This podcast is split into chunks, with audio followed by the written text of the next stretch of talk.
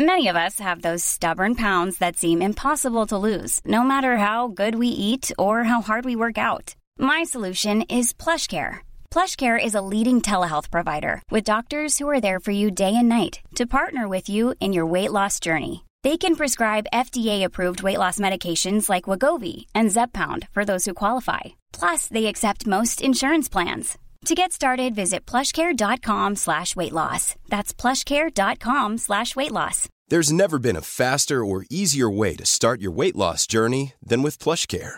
PlushCare accepts most insurance plans and gives you online access to board-certified physicians who can prescribe FDA-approved weight loss medications like Wigovi and Zepbound for those who qualify.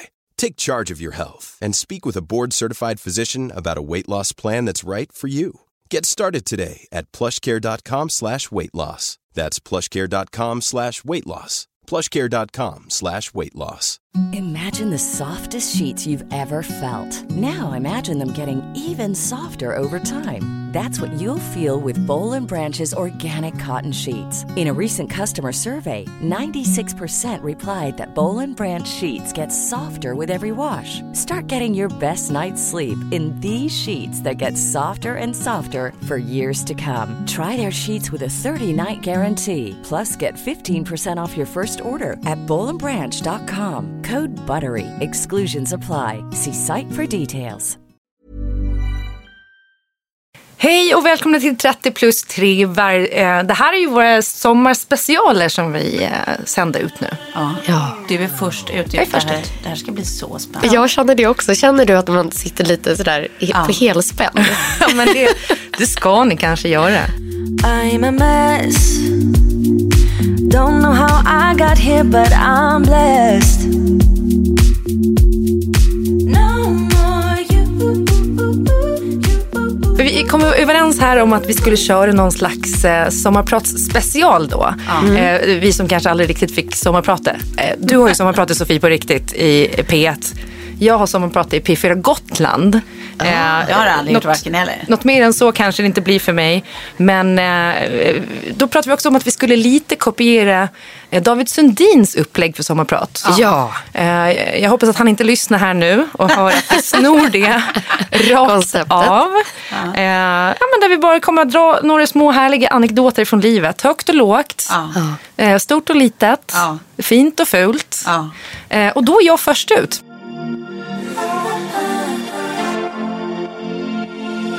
Har jag berättat om att min mamma är helt sjuk i huvudet?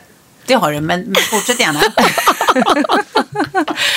Ja, men det här är liksom, jag kan inte ens minnas hur långt tillbaka det här går. Eh, men någon gång, ja, men så fort man började liksom förstå så här, släkt, farmor och farfar, mormor och morfar och sådana saker. Så berättade min mamma för mig att eh, min farfar då, det var en väldigt sammansluten släkt. Alltså de hade eh, ja, men bra stämning. Han hade en bror som hette Folke. Sen hade han ett gäng systrar som hette Märta, Ann-Louise, Signe och Digne. Ja. Eh, och det, det tänkte jag, ja men vad kul liksom. Och sen så, ju äldre jag blev så insåg jag att så här, ja, men, eh, Signe eh, och Digne, har jag, alltså, har jag träffat Ja, men, eh, du har träffat båda, men de är aldrig på samma ställe samtidigt för de kommer inte överens. Så började det liksom. Eh, Ett tvillingpar. ett tvillingpar, ja. Det är, Signe och Digne föddes då samtidigt som tvillingar. Eh, sen några år senare så var jag lite så här, fast nu är jag ganska säker på att det är bara Signe jag träffar. Och då så säger min mamma att eh, förlåt, alltså jag lurade dig. Eh, Digne, hon gick tragiskt bort eh, en tid efter förlossningen. Så eh, Digne finns liksom inte eh, längre. Och så kommer jag ihåg alltid att det var så när vi pratade, för vi har hållit på mycket med släktforskning och sådär i min familj. Och det var stämningen att så här, ja, så Märta, Ann-Louise, Signe, Digne, Folke, Erik, ja det är hela gänget liksom. Så det var, för mig var det helt naturligt. Jag tänkte shit vad tragiskt för Signe att leva ett helt liv utan sin Digne. Eh, och det här liksom kulminerar när vi ska åka på en sån här släktträff i Stenkyrka där då eh, familjen Svensson var ifrån så att säga. Eh, vi kommer dit och det är A-kusiner och B-kusiner, alltså det som man kallar för sysslingar och tremänningar och sådär. Eh, mostrar och fastrar och, och ja, men det är ett jättestort gäng på typ mellan 50 till 75 pers som ska ta en fika och sitta och snacka och sådär på långbord. Och så eh, sätter jag mig bredvid Ann-Louise, eh, då min farfars syster. Och vi sitter och pratar lite och då vid det här tillfället så hade Signe gått bort. Och så kommer jag ihåg att jag säger till Ann-Louise att så här, ja men eh, fick liksom Signe begraves då bredvid Digne? och Ann-Louise bara, hon bara, eh, vad, vad pratar du om? Jag bara, jo men Digne, alltså hennes tvillingsyster. Och eh, jag är alltså 20 år gammal då, Ja. ungefär. Det var där omkring. Eh, och hon är fortfarande helt oförstående till vad jag snackar om. Ja. Eh, jag förstår verkligen inte vad, vad Digne. Jag bara, ja, men, hennes tvillingsyster som gick bort vid förlossningen. Och Ann-Louise tittar fortfarande på mig som om jag är helt dum i huvudet. Och så hör jag bara liksom, lite längre bort vid bordet att mamma börjar gapflabba. Alltså rakt ut. Så att nästan, jag skrattar, hon skrattar så högt. Hon kan inte sluta skratta. Och där går det liksom upp för mig att min mamma är helt jävla sjuk i huvudet. Och hon har alltså i 20 års tid lurat mig att min farfars syster Signe hade en tvillingsyster som hette Digne. Alltså det finns, det finns så många hysteriskt roliga komponenter i det här. Alltså ett, att din, din mamma ens kommer på historien. Ja. Två, att hon håller den vid liv. Över, alltså Ja, det är år inte klokt. efter år efter år. 20 år. Och tre, att det är liksom bara för henne det är kul under all den här tiden. Ja, ingen annan kan njuta av skämtet. Men, men det räcker gott för henne. Fyra, har vi ens pratat om Alltså att du aldrig har ifrågasatt namnet. Digne. Har vi någonsin hört talas om det? Det är som att man bara, det här är Klara och Snara. Ja.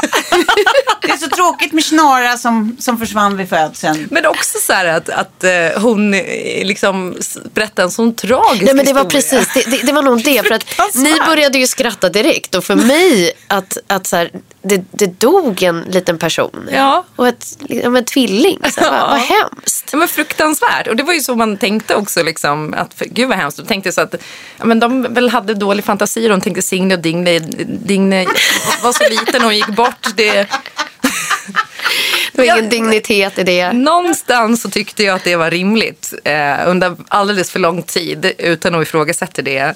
Eh, Men, men eh, det här vill jag bara säga och det kommer att vara lite temat för mitt det här sommarpratet nu. Eh, till dig mamma, du är helt sjuk i huvudet och det tycker jag ju nu eh, också farfars hela släkt. men mamma, jag förlåter dig för det här.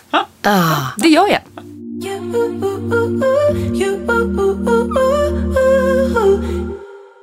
Har jag berättat om när jag rymde hemifrån första gången? Nej. Berätta. Berätta. eh, ja, men vi kan börja med det här då. Eh, vi bodde då på Tungmillargatan i, i Visby. Just då så hade mina föräldrar köpt liksom ett hyreshus som var tre lägenheter. Och sen bredvid så låg det ett gammalt packhus från 1600-talet som de eh, vartefter skulle börja renovera upp. Så vi skulle egentligen flytta över till packhuset sen när eh, liksom, packhuset var klart. Men här då bodde vi... Det här, den minen som ingen ser nu, eh, men som du tittar på, det är, eh, jag spelar med och låtsas som att jag någonsin hört talas om ett packhus förut. Vet inte vad det är för något.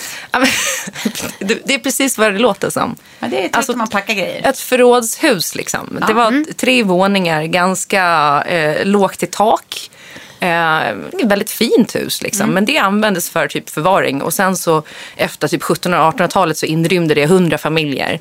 Det var sådär som att man liksom bara hällde ut pottan utanför. Så det fanns Ah. brunnar utanför typ varje fönster. Ah. Eh, det låter ganska äckligt när man pratar om det. Men det blev ett väldigt allt fint var ju äckligt förr i hus. tiden. Ja. Eh, och så i alla fall så håller de på också att fixa upp den, det här hyreshuset innan då. Så att de höll på med det där i många, många år. Eh, och pappa är hemma och målar elementen och min morsa ska gå till eh, pizzerian nere på Stora torget. Eh, Isola Bella tror jag att den hette. Och hämta hem pizza. Och säger till pappa att så ja, men, eh, Klara är på sitt rum så jag har koll på henne, jag går. Ehm, och jag är vid det här tillfället, jag kan vara två och ett halvt kanske. eh, gam, år gammal. Eh, och hon i alla fall sen komma hem eh, och säga till pappa, du Klara, var är hon? Och pappa bara, men hon är fortfarande på sitt rum. Eh, och mamma bara, "Ja, fast det är hon faktiskt inte. Eh, jag tror hon är borta. Och pappa får ju liksom en eh, Panik. ja, men typ mindre hjärtattack där. Och börjar springa runt och leta i rummen och allting. Eh, och då återigen, mamma som är sjuk i huvudet börjar asgarva. Och, och eh, nej, vet du vad Kai? Hon står här utanför dörren. Eh, och han bara, men gud, jag höll på att liksom avlida. Ja, men det kanske du ska göra. Eh, för att under tiden då som han hade suttit och målat ett element så hade jag gått förbi honom, alltså bara kanske två, tre meter ifrån. Öppnat ytterdörren, gått ut. Och sen när mamma kommer med pizzorna eh, nere vid eh, Wallersplats i Visby innerstad så ser hon att jag liksom struttar där eh, men på ändå en biltrafikerad gata, Nej mitt men i gatan herregud. komma Nej, men herregud. ner för backarna och eh, är väldigt eh, glad. Och mamma bara, nej men hej, vad gör du då? Eh, Och jag säger att jag ska, jag ska gå till min moster Ipperi. Att du skulle inte till Digne? Nej, inte Digne. Där var min moster Ip- Ipperi då som, som eh, hittade Britt-Marie. Men jag har alltid kallat henne för Ipperi. För jag kunde inte säga Britt-Marie. Eh, som bara bodde liksom nerför backarna. Så jag var på väg åt helt rätt håll. Ah. Allting. Hade full koll. Aha. Eh, och där liksom fiskade hon upp mig, gå hem, lura pappa att jag är borta. Och sen berätta. Alltså vad fan håller du på med? Du, liksom, du måste ju ha koll på din två och ett halvt-åring. Eller i alla fall låsa dörren så att hon inte kommer ut. Eh, och det var också början på ett, ett antal eh, rymningsförsök som jag gjorde som barn. Det var jag väldigt duktig på. Ja, men det förstår du, du blev väl uppmuntrad tidigt att det här gick ju utmärkt? Ja. Tänk, du kan rätt väg. Ja, du är Ja. på väg till Ipperi ju. Mm. Ja, men precis. Ja, men jag har försvunnit många gånger under eh, timmar hit och dit utan att mina föräldrar vet vad jag är. Men det har ju löst sig. Men i kylvattnet av det här så vill jag ändå säga eh, till pappa då. Jag kunde ha blivit kidnappad. Jag kunde ha blivit påkörd. Jag kanske hade varit död idag. Men jag förlåter dig, pappa.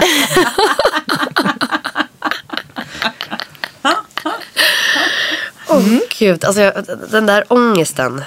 Ja. Panikångesten. Verkligen. Att inte veta vad en två, två och ett halvt åring är. Alltså jag hade alltid Lilly döda vinkeln. Alltså så här, jag släppte henne aldrig. Jag hade någon så här liksom jaktflygplans-lockdown på henne jämt. Ja. Ja, det är... Jag tror Vid, jag, vid den tiden. Kjell är sådär, men jag är inte alls så med mina barn. Jag, jag, jag försöker tänka efter också hur jag är. Jo, men jag tror att jag har ganska... Nej, men fan, nej, det skulle kunna hända. Ja. Det skulle kunna hända. Ja. Ja, det skulle fan kunna hända.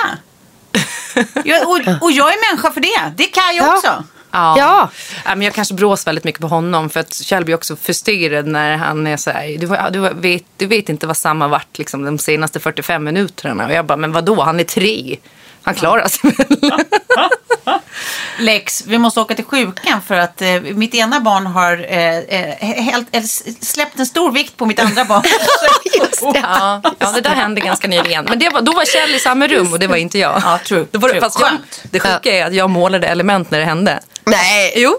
Nej. Spännande. Så om du vill ha lite drama i livet då är det bara att sätta igång och måla ett element. Jag kommer aldrig mer göra det i hela mitt liv.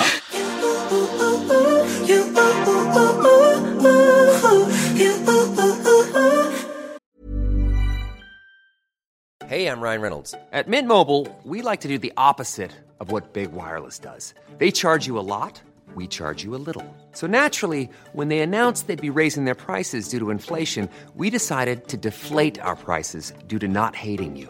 That's right. We're cutting the price of Mint Unlimited from $30 a month to just $15 a month. Give it a try at mintmobile.com slash switch. $45 upfront for three months plus taxes and fees. Promo rate for new customers for limited time. Unlimited more than 40 gigabytes per month. Slows. Full terms at mintmobile.com. Imagine the softest sheets you've ever felt. Now imagine them getting even softer over time. That's what you'll feel with Bowl and Branch's organic cotton sheets. In a recent customer survey, 96% replied that Bowl and Branch sheets get softer with every wash. Start getting your best night's sleep in these sheets that get softer and softer for years to come. Try their sheets with a 30-night guarantee. Plus, get 15% off your first order at bowlandbranch.com. Code BUTTERY. Exclusions apply. See site for details.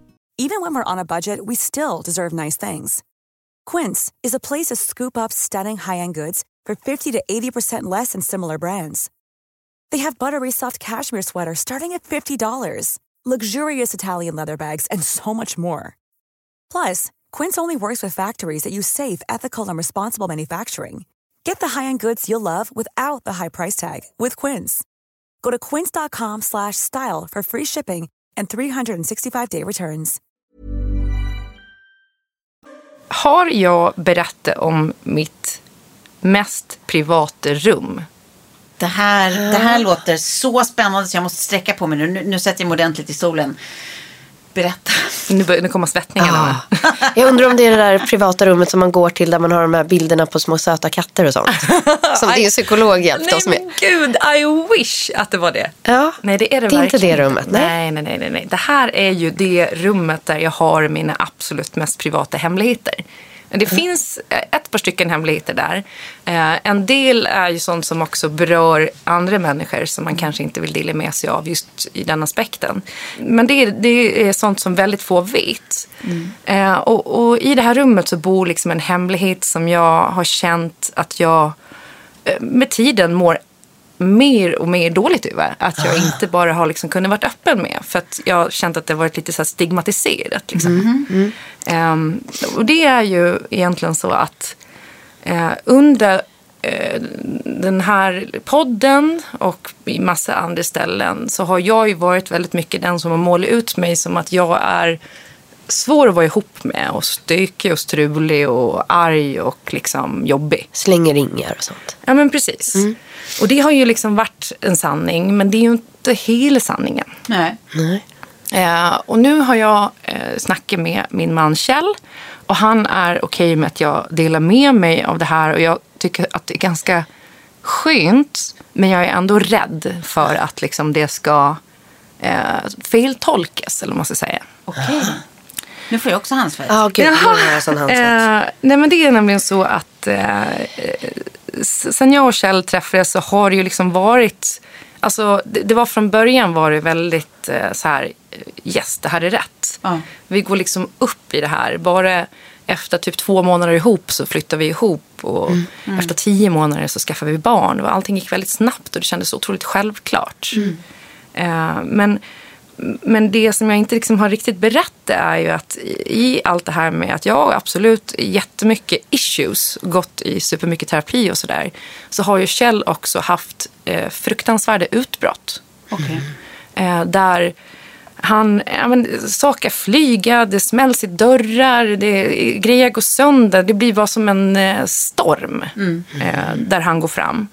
Och det har varit så svårt under vår relation att se vad det är som triggar de där utbrotten. Jag har liksom aldrig kunnat identifiera för det kan vara så här, eh, man sätter sig ner och så, så blir det liksom en, en sekund av lite dålig stämning. Och så plötsligt så flyger liksom en tallrik iväg. Eh, och, det har varit så här, och sen så följs det av att han blir otroligt mörk i tanken, säger att allt är förstört, att vi liksom inte kan vara ihop. Eh, och där det liksom ofta slutar med att jag blir den som, eh, så här, okej nu lugnar vi ner oss lite. Ja, du blir det rationella liksom. Ja, och jag har också insett att oftast när de här utbrotten kommer så måste de få ha sin gång. Så det är som en cykel typ? Mm, ja, eller ehm, Alltså- de här utbrotten kommer kanske så här, eh, en gång i halvåret. Okej. Ibland oftare, men det är liksom inte särskilt ofta. Nej. Men när de kommer så blir det ju otroligt jobbigt och då tvivlar man ju på om det här liksom såklart kommer att funka. Och ju eh, eh, med barnen och sådär, ju äldre de har blivit så är man ju också rädd för vad märker de liksom? Hur ska jag förklara att han har slängt sönder en fjärrkontroll till tvn eller eh, att liksom eh, det eh, li, ligger ett saltkar med salt över hela golvet eller alltså vad hör de inte liksom? Eh, och det har jag varit väldigt så här att vi har, vi har kommit till den eh, gränsen nu egentligen där eh, vi har sagt, eller där han har sagt själv att så här, jag behöver gå i egen terapi och har eh, gjort det nu under eh, en tid eh, som har varit liksom väldigt bra. Men mest också på att förstå var kommer Just det. det här ifrån. För är det här någonting som han har, alltså han kände igen hos sig själv redan innan ni träffades liksom? Det är inget nytt hos honom? Ja, men inte riktigt på det sättet. Utan mer att han har haft ett flyktbeteende från tidigare förhållanden. Och han har aldrig riktigt gått in i förhållanden tidigare med ambitionen av att så här, det här för är för livet eller det här kommer att hålla. Nej. Eh, och då har det blivit så, jag tror att när han har känt sådana tendenser så har han liksom bara, kör hej då. Eh, Men i, inte på det sättet, kanske i något förhållande sådär.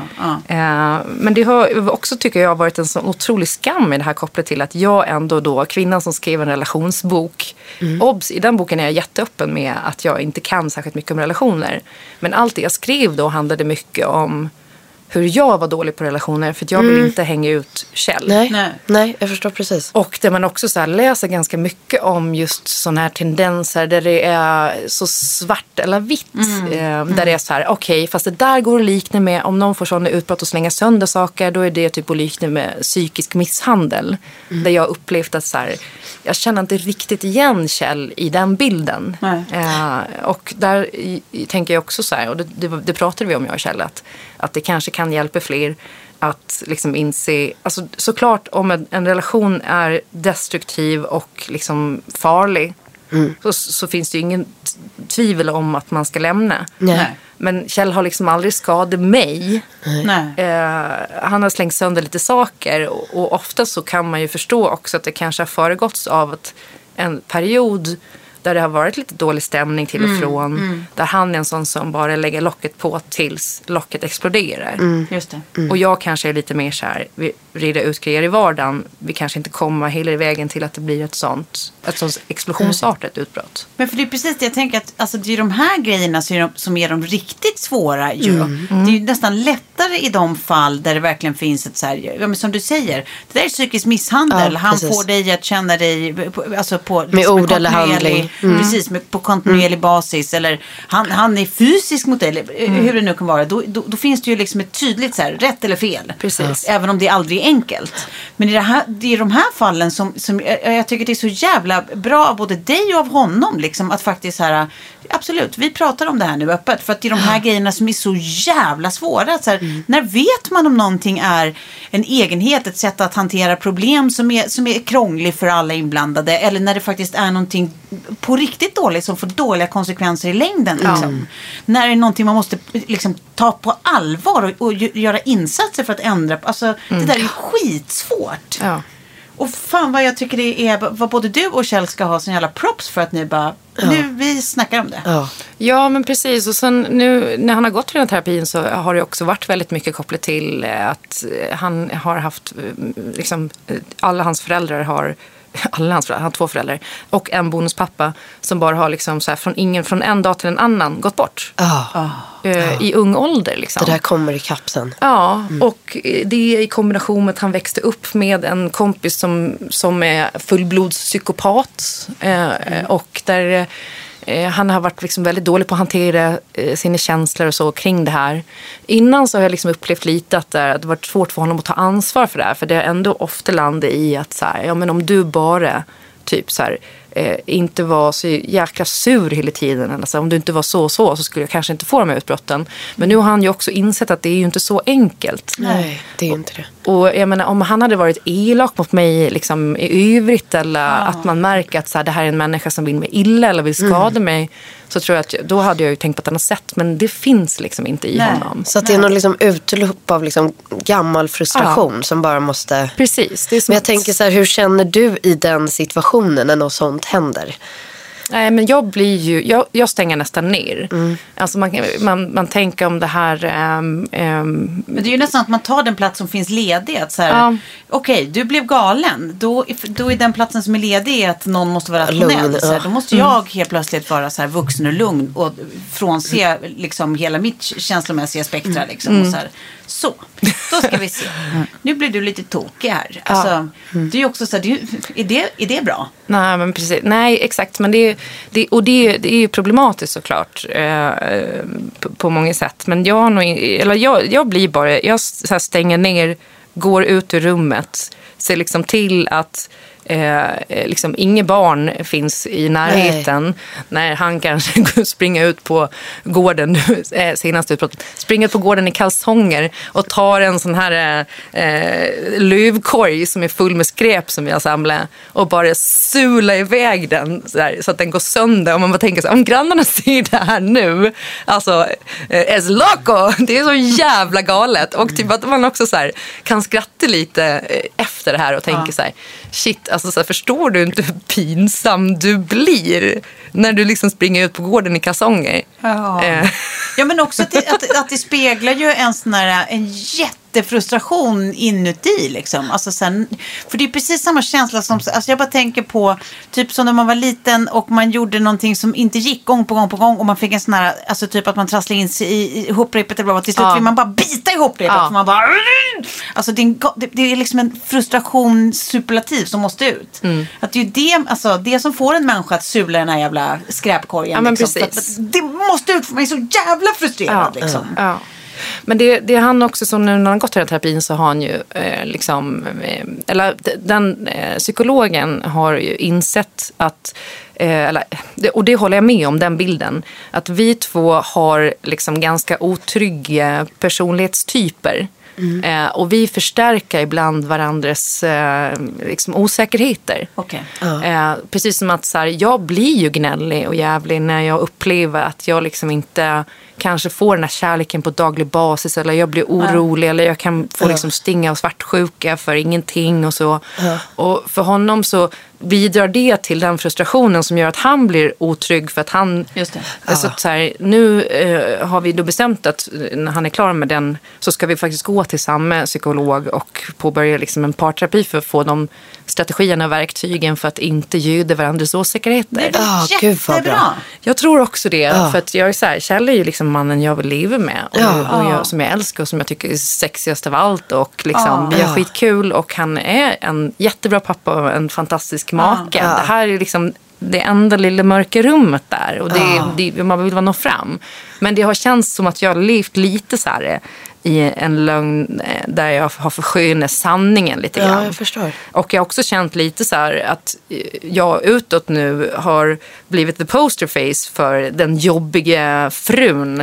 I, Ja, ja, ja. Men när det inte har varit helt sant. Nej. Liksom, för Nej. att det har funnits mer där. Ja, ja. Eh, Men, men nu har vi nått fram och nu har jag kunnat berätta det här och jag tycker typ att det känns skitskönt. Ja. Och jag hoppas att ingen missförstår eller misstolkar det här. Jag hoppas Nej. däremot att de som, som kanske lever i relationer där det är lite stökigt, där det är lite, det kan vara sådana här situationer, även om det kanske inte sker så ofta, att man försöker att söka hjälp för det och ge det en Ja, chans. men det är ju det som känns så mäktigt i ert fall. Att det är så här, alltså, för ni Ja. är ju ändå ett par som man, så här, när man känner er och när man har umgåtts med er så är det ju väldigt tydligt. Alltså, ni är ju kära i varandra. Ni vill ju vara med varandra. Det, är Ja. liksom, det, tycker jag, det har man aldrig tvivlat på. Nej. Eh, och sen så är det precis som du säger så finns det de här delarna av relationen som också är där. Men det som är mäktigt är ju att, att båda är så himla beredda att, så här, att gå till jobbiga liksom, rum hos sig själva också. Att man, så här, att man vill skaffa sig en insikt om, man har identifierat att det är ett problem, man vill skaffa sig en insikt om varför det blir så här, varför det här problemet ens uppstår. Ja. Och man vill så här, hitta sätt att undvika det eller att liksom, så här, lösa det. På, alltså, så här, då, då finns det ju allt hopp i världen, så borde ju alla göra. Liksom. Ja.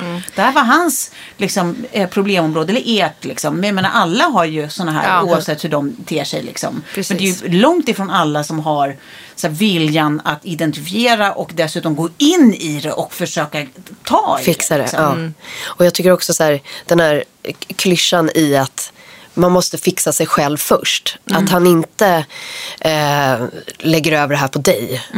Eh, utan bara säger, nej men jag måste ta, ta tag i det här. Ja. Det känns också som ett så bra steg tycker jag. För att Verkligen. oftast så är det liksom så här när man gör fel eller folk runt omkring så ska det alltid liksom skjutsas över på någon annan. Ja. Det är för att du gjorde så eller Ja. sa det där. Och bara, nej. Här måste han liksom deala med Ja, eller bara precis, precis som du är inne på att det är så här, eh, jag gör så här så att eh, nu ska vi ta tag i vårt, vårt problem. Nej, Bara- precis. Delar det jämt. Mm. Att det är så här, ja det är ett problem därför att eh, han liksom som Mm. en del av er har ett problem. Och det är ju precis det, ja men exakt, jag tycker det är exakt så det är. Att det är så här, fan vad fint att han identifierar det hos sig själv, Ja. startar med sin egen resa så att ni tillsammans sen kan Ja. ta liksom de insikterna vidare. Precis. Eh, och, och liksom hitta ett sätt att försöka... Och, jag tänker mycket på det här, för jag läste det för länge sedan. Om, har ni läst om Twin Souls? Nej. Nej. Alltså tvillingsjälar. Då finns det ju någon teori om tvillingsjälar. Är liksom så här, när de möts så blir det ju explosiv kärlek. Ja. Eh, men det kan också vara så, för inom den teorin så tror man att man lever flera liv. Att man i de liven kommer leva med ungefär samma personer. Ja. Eh, eh, alltså i sin omgivning. Liksom. Eh, och man kommer att träffa på samma personer eh, i liksom olika former. Men att, att det kan vara så att eh, under de här liven så liksom träffar man eh, sin tvillingsjäl. Eh, men det kan vara så att man inte är redo för att liksom helt och hållet gå upp i en enhet tillsammans. För att man har så här, eh, sina issues och sina grejer som man behöver eh, liksom, ja, men, Deala med. deala med. Eh, men när man då kommer till liksom det, ja, men, vad, vad kallar man nirvana för relationen typ. Det är när man har gjort så många vänder så att liksom, man har kunnat rätt ut alla de här problemen och då kan förhållandet bli liksom Ja men de, ni vet, när man Next ser folk som har levt i 80 år ihop och fortfarande är kära och det har liksom alltid varit bara kanon. Ja. Eh, Men så har jag tänkt lite kring Kjell ibland. Att typ så här, vi är i ett sånt där liv nu där vi måste hjälpa varandra framåt. Ja. Och liksom, så här, om det inte håller nu så, så kanske det gör det i nästa liv. Eh, Men gud, vilken romantisk Ja, tanke. eller hur? Ja. eh, men med det, vet inte om jag sa det förut, men det vill jag säga då. Jag förlåter dig, Klara, för att du har tagit de besluten du har tagit och liksom eh, inte... Varit vill- orättvis mot dig själv. Nej. Liksom. Ja, men kanske lite. Mom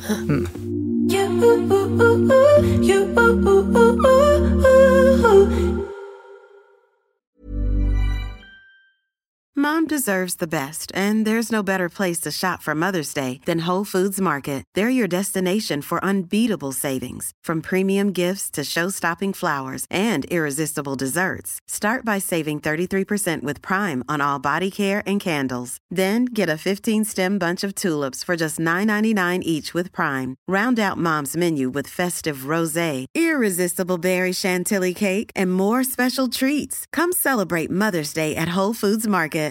Imagine the softest sheets you've ever felt. Now imagine them getting even softer over time. That's what you'll feel with Bowl and Branch's organic cotton sheets. In a recent customer survey, 96% replied that Bowl and Branch sheets get softer with every wash. Start getting your best night's sleep in these sheets that get softer and softer for years to come. Try their sheets with a 30-night guarantee. Plus, get 15% off your first order at bowlandbranch.com. Code BUTTERY. Exclusions apply. See site for details.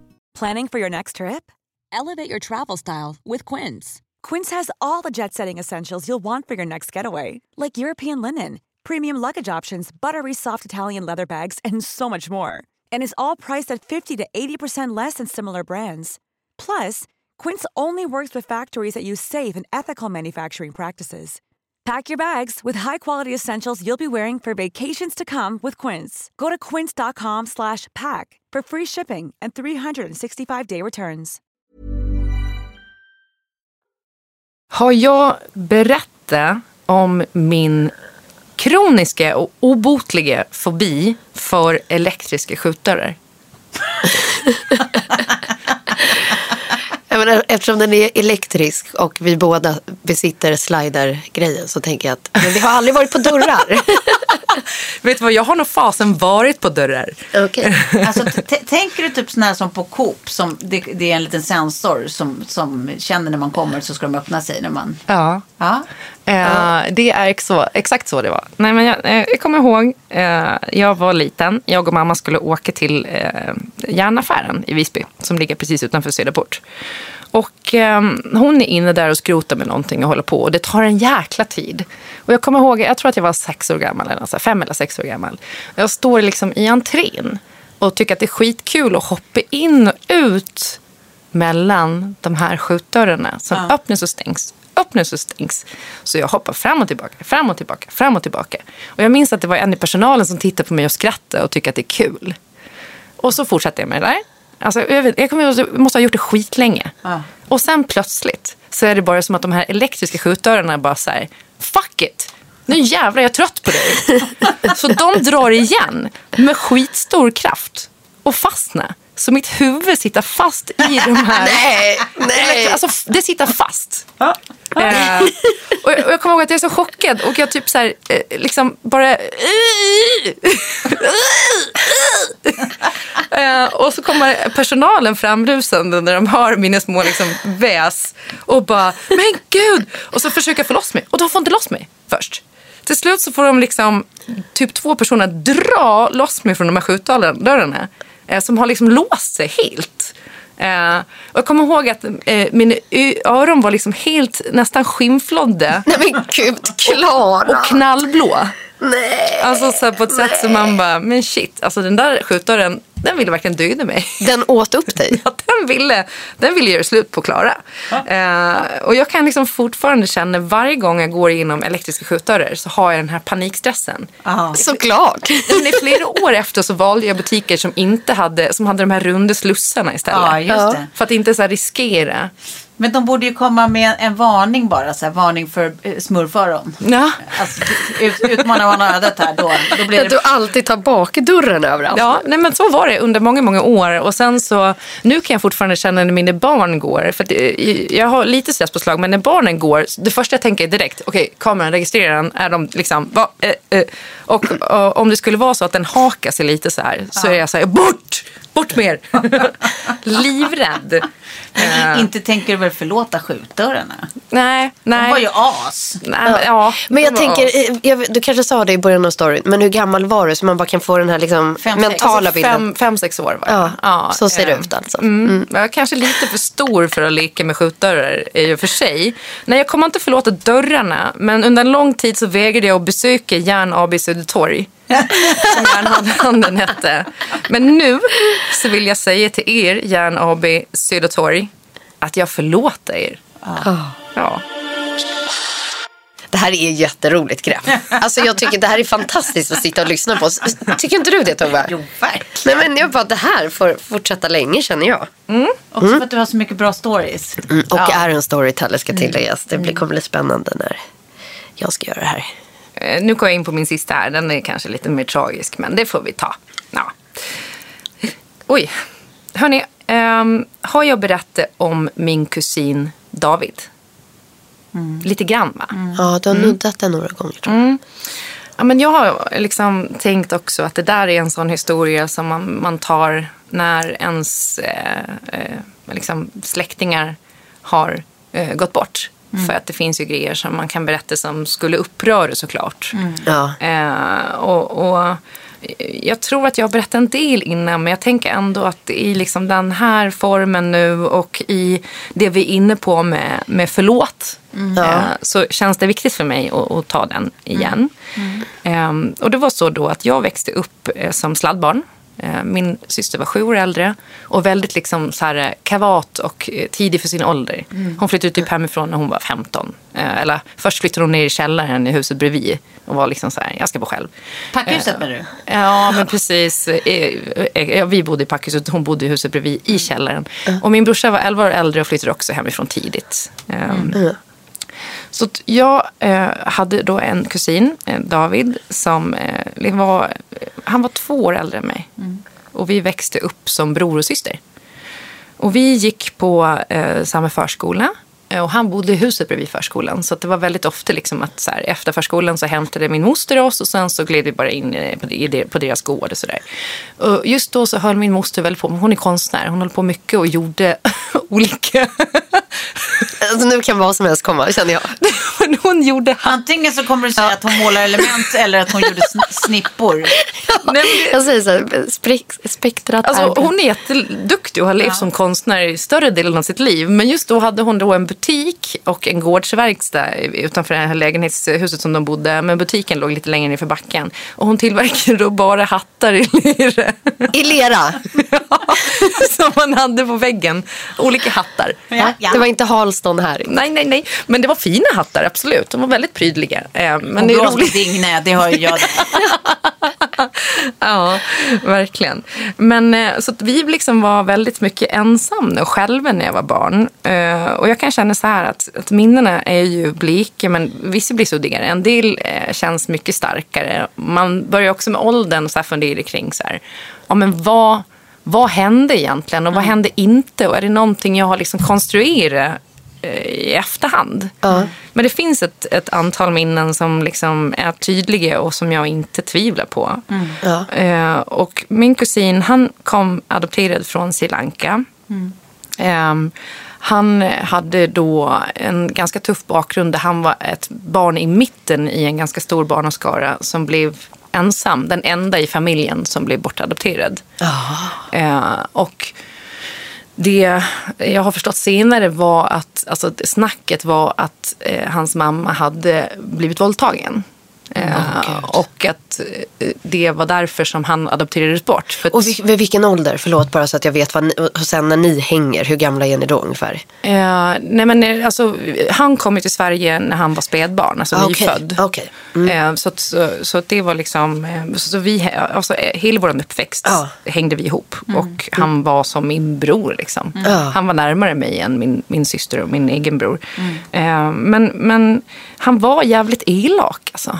Eh, Men han hade det också tufft. Men jag minns liksom redan från dagis att han kunde ja, men låsa in en i källaren i flera timmar. Eh, och bara lämna en där. Han var ganska så här, våldsam och eh, höll på med my- mycket konstigheter. Men han blev också så här, mobbad i skolan för att han var liksom, den enda typ eh, rasifierade på vår skola. Eh, och han han höll på med så här, vad heter det, sån här blåsinstrument. Det blev han också mobbad för. Han älskade sin saxofon eller vad det var, trombon. Jag kommer inte ihåg vad det var han höll på med. Eh, men där, och så däremellan de här eh, grymheterna så fanns det otroligt många stunder som var ömhet och kärlek och vi hade skitroligt ihop och han kunde dansa exakt, alltså exakt som Michael Jackson med moonwalk och allting. Han var liksom otroligt dansant och musikalisk och liksom eh, påhittig.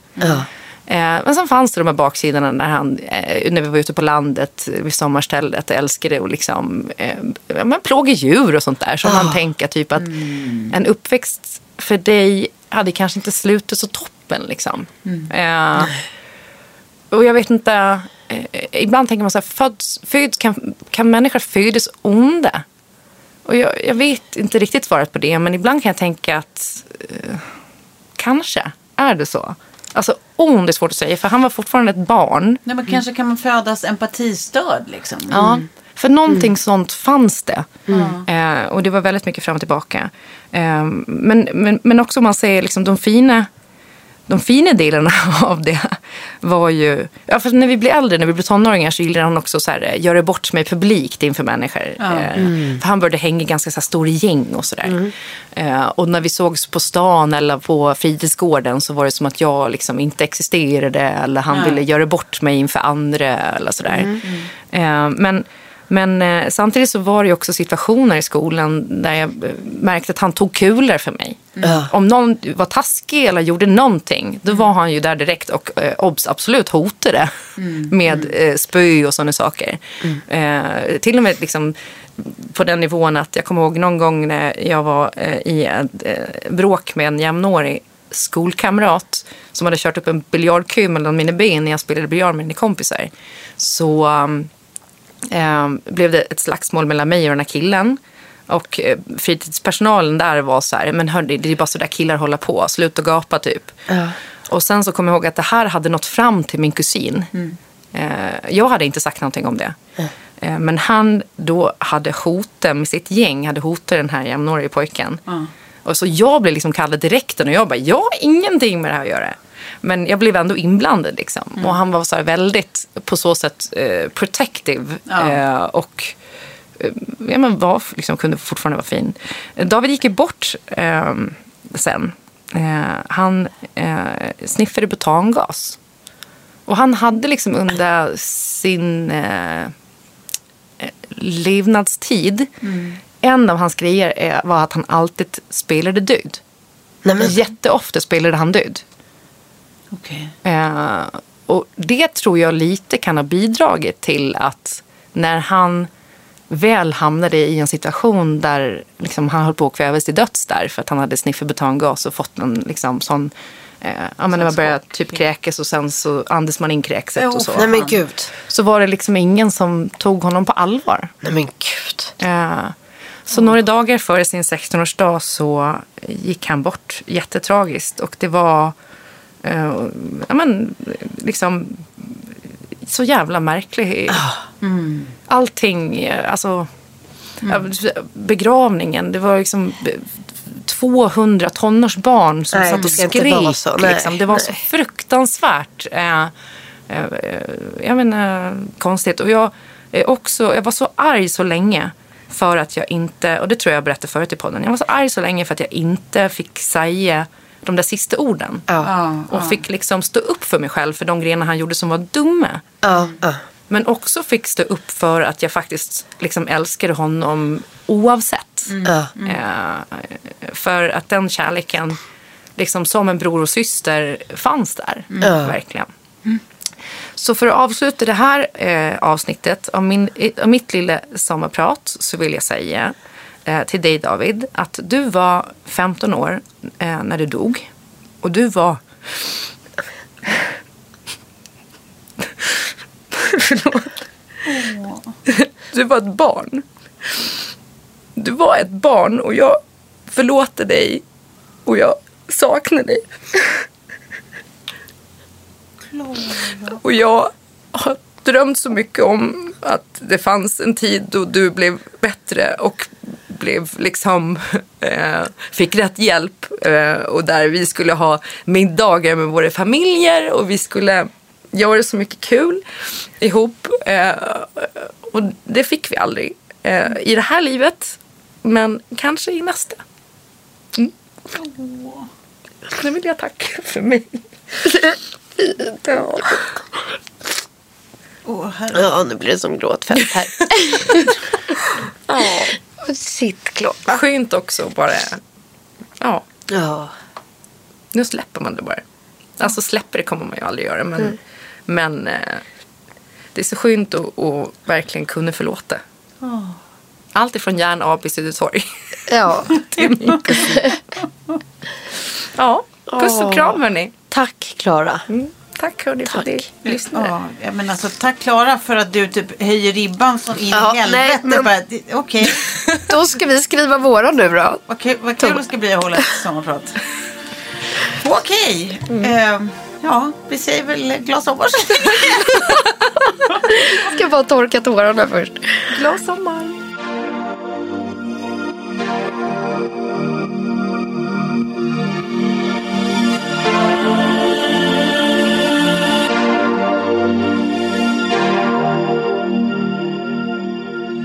En podd från Allermedia.